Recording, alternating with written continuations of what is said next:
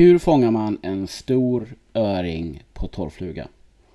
Ja, det är en fråga som säkert många har ställt sig eller tänker på. Eh, jag har flertalet öringar, eh, stora öringar på torrt och eh, idag tänkte jag ge er mina fem bästa tips för att fånga en stor öring på torrfluga.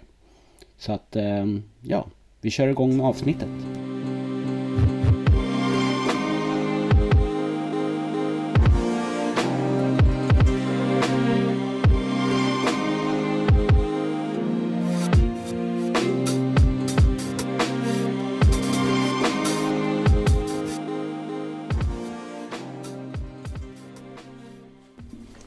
Jag har flugfiskat i sådär snart 28-29 år ungefär.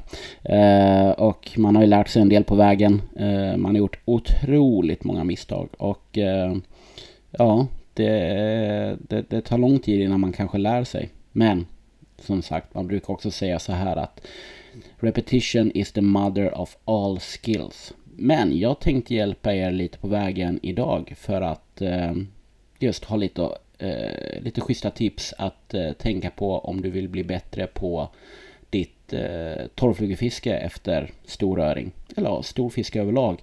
Eh, det här funkar ju på andra arter också såklart. Men eh, ja, podcasten heter ju Älska öring podcast. Så att jag tycker vi avhandlar lite torrflugefiske efter, efter storöring. Det är ju det som är en av de roligaste sakerna man kan göra. Om vi börjar då med tips nummer fem längst ner på listan. Eh, använd ett spö och lina för rätt situation, det skulle jag säga. Det här är ju eh, olika beroende på om du fiskar mindre åar, lite mellanstora åar eller älvar om man säger så. Till exempel om du ska fiska en liten bäck eller å, då kan du ju klara dig med 7,5-8 fot eh, i en mindre klass och linor med en eh, kortare klump. För att där behöver du inte ha samma reach till exempel eller kastlängd eh, för att eh, nå fisken till exempel. Medan du då istället kanske fiskar en stor älv där du måste kasta upp mot en 20 plus meter.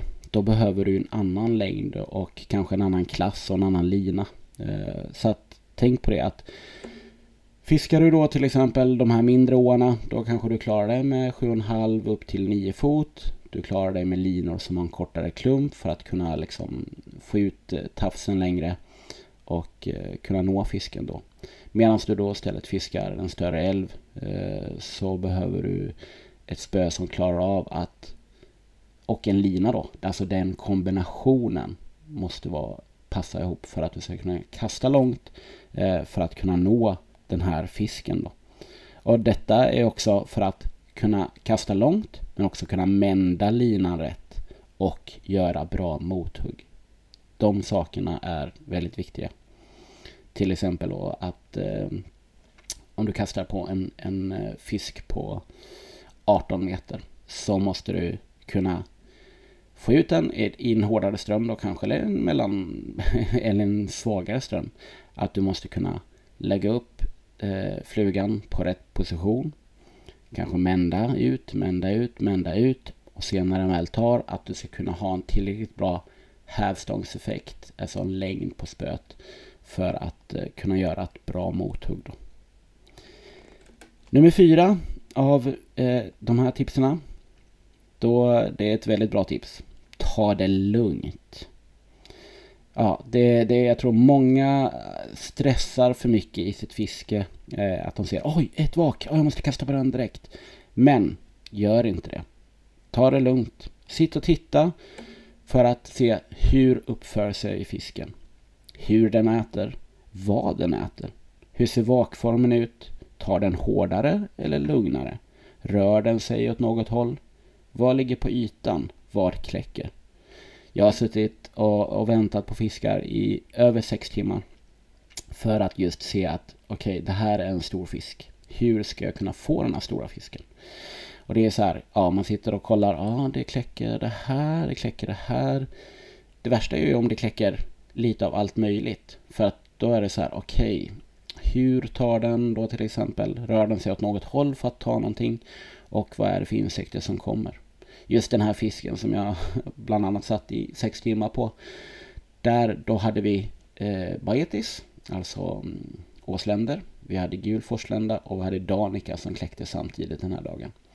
Och eh, den tog liksom inte superlugnt. Eh, den tog liksom ett mellanformat och den flyttade sig åt sidorna.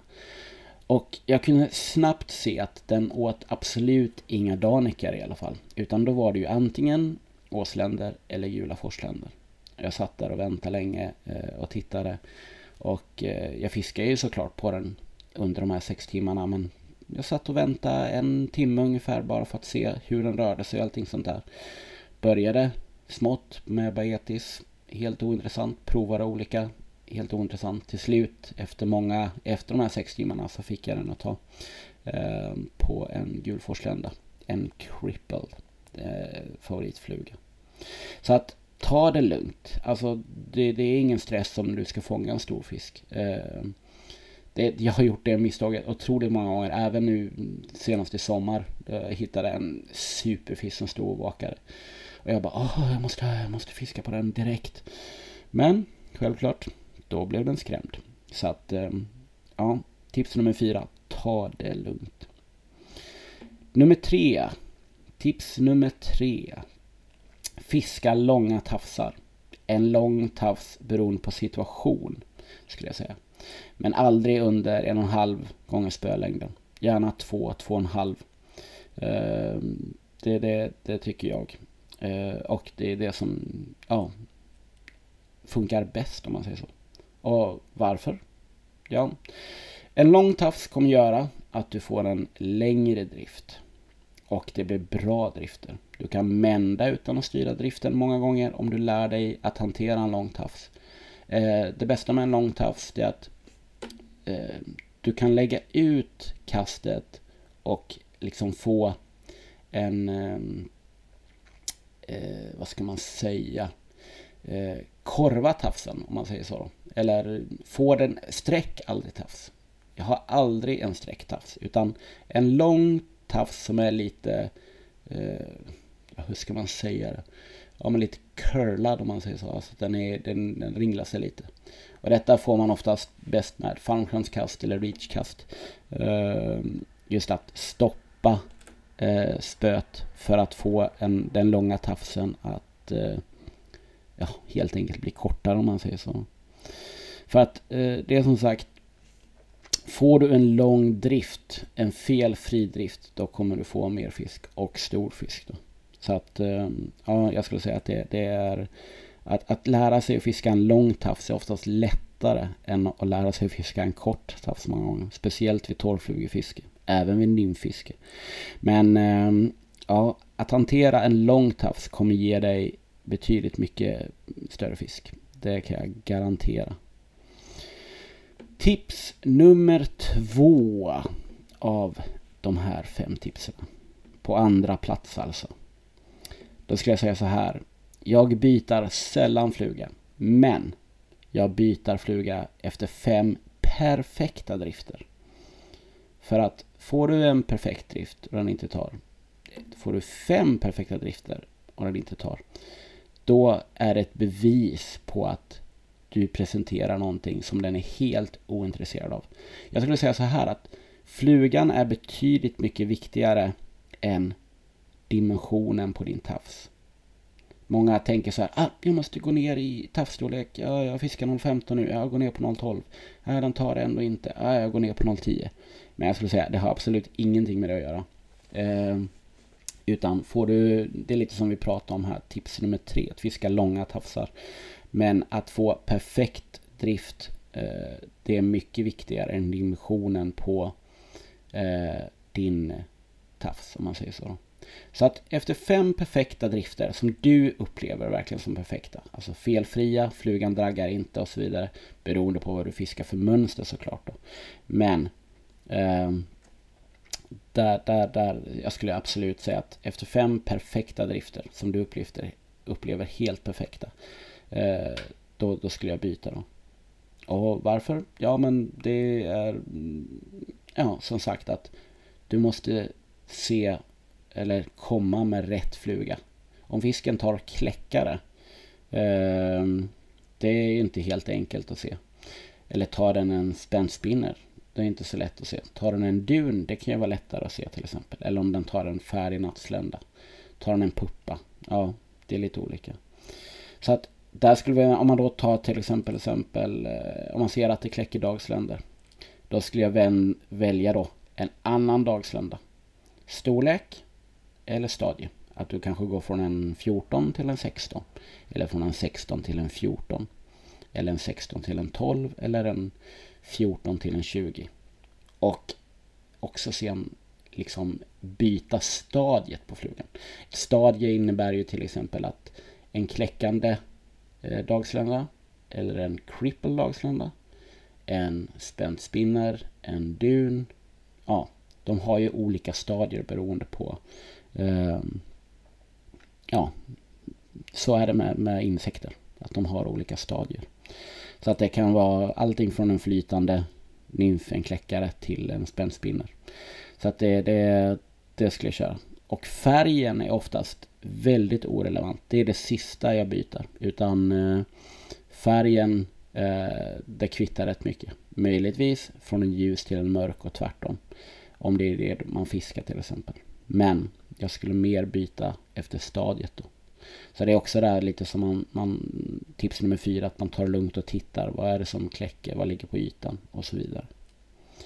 Och tips nummer ett på första plats av alla tips eh, som är viktiga. Det är att lär dig att kasta bra och lär dig att drilla bra. Det kommer göra att du, du får större öring i din hov. Om man säger så. Primärt att kunna lära sig att kasta bra. Det är otroligt viktigt. Att veta eh, att du kan nå en fisk på en viss distans. Att du kan lägga ner eh, både fluglinan och tafsen på rätt sätt. Att du kan få en bra drift som vi har snackat om. Och det kommer göra att, att en större fisk gärna går upp och äter just din fluga. Kanske framför den naturliga insekten som sagt. Eh, kolla lite på vad är det som är rätt? Vad är det som blir fel? Varför draggar flugan nu? Varför hamnar flugan där? Eh, allting som har med kastningen att göra, hur strömmarna går, om det blåser, hur lägger sig flugan om du gör på det viset eller stannar spöet på det viset. Om du fiskar med en en halv spölängd tafs eller två och en halv spölängd. Hur måste du alltså komma in i din kastning? Det är otroligt viktigt. Så att det där är, det, det är träna mycket på, på det. Även om du har en vecka per år som du kan fiska så har du betydligt mer tid att träna på att fiska eller lä, träna på att kasta rättare sagt. Och jag sa också att lära sig att drilla bra. Det här är ett fel som många gör. Och det här är ett väldigt bra tips. Att, att um, vi jobbar ju med levande varelser. Och vi kan ta det som ett exempel. Eh, om du har en, en hund. En snäll och trevlig hund. Den, den håller sig lugn och allting, inga problem. Men en aggressiv hund. Vad, hur uppför sig? Den vill ju mest troligt antingen... Eh, en rädd hund kan man säga.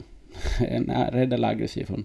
Den vill ju ta avstånd från, eh, från situationen. Så att om du har en kopplad arg eller rädd hund då eh, ju mer du drar i den, desto mer vill den bort från dig.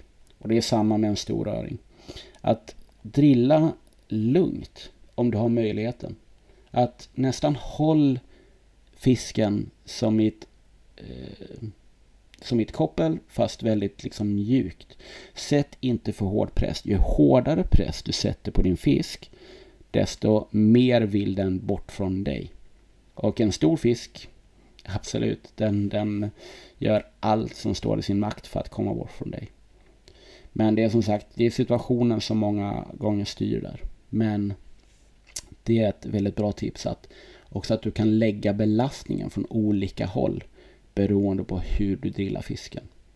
Till exempel om en fisk går nedströms, ja då är ju belastningen vad den är. Men om en fisk står still, i och med att du håller bara fisken helt still. Du gör ingenting. Du drar inte i den någonting. Om du hellre vill att en fisk ska gå uppströms, då släpper du ut lite lina så att belastningen kommer nerifrån. Då kommer fisken istället röra sig uppåt. Jag hoppas att ni förstår lite hur jag menar. Men just att kunna lära sig att drilla fisk, eh, det är otroligt viktigt. För att när du har kommit till den situationen, att du hittar en stor fisk. Du har suttit och, och tänkt på det här. Tar lugnt, du, du, du sätter på en lång tafs, du sätter på rätt fluga, du får några bra drifter, du får den att ta. Absolut, det är jättekul att få en fisk att ta. En stor fisk som tar din torrfluga. Men det är ju ännu roligare om du faktiskt kan få titta på den. Att eh, ja, beundra den här stora fisken som har tagit din torrfluga. Och sen säga tack för fighten. Underbart. Ha det bra. Hej. Och så släpper man tillbaks dem. Så att just kunna få en fisk i hoven. Det handlar också om att kunna lära sig att drilla rätt. Det är väldigt viktigt. Speciellt om man då till exempel väl fiskar tunnare tafsar. Eh, då är det som sagt väldigt viktigt att, att eh, ja, göra rätt i den situationen också. Sådär. Jag eh, hoppas att det här var till någon nytta för er.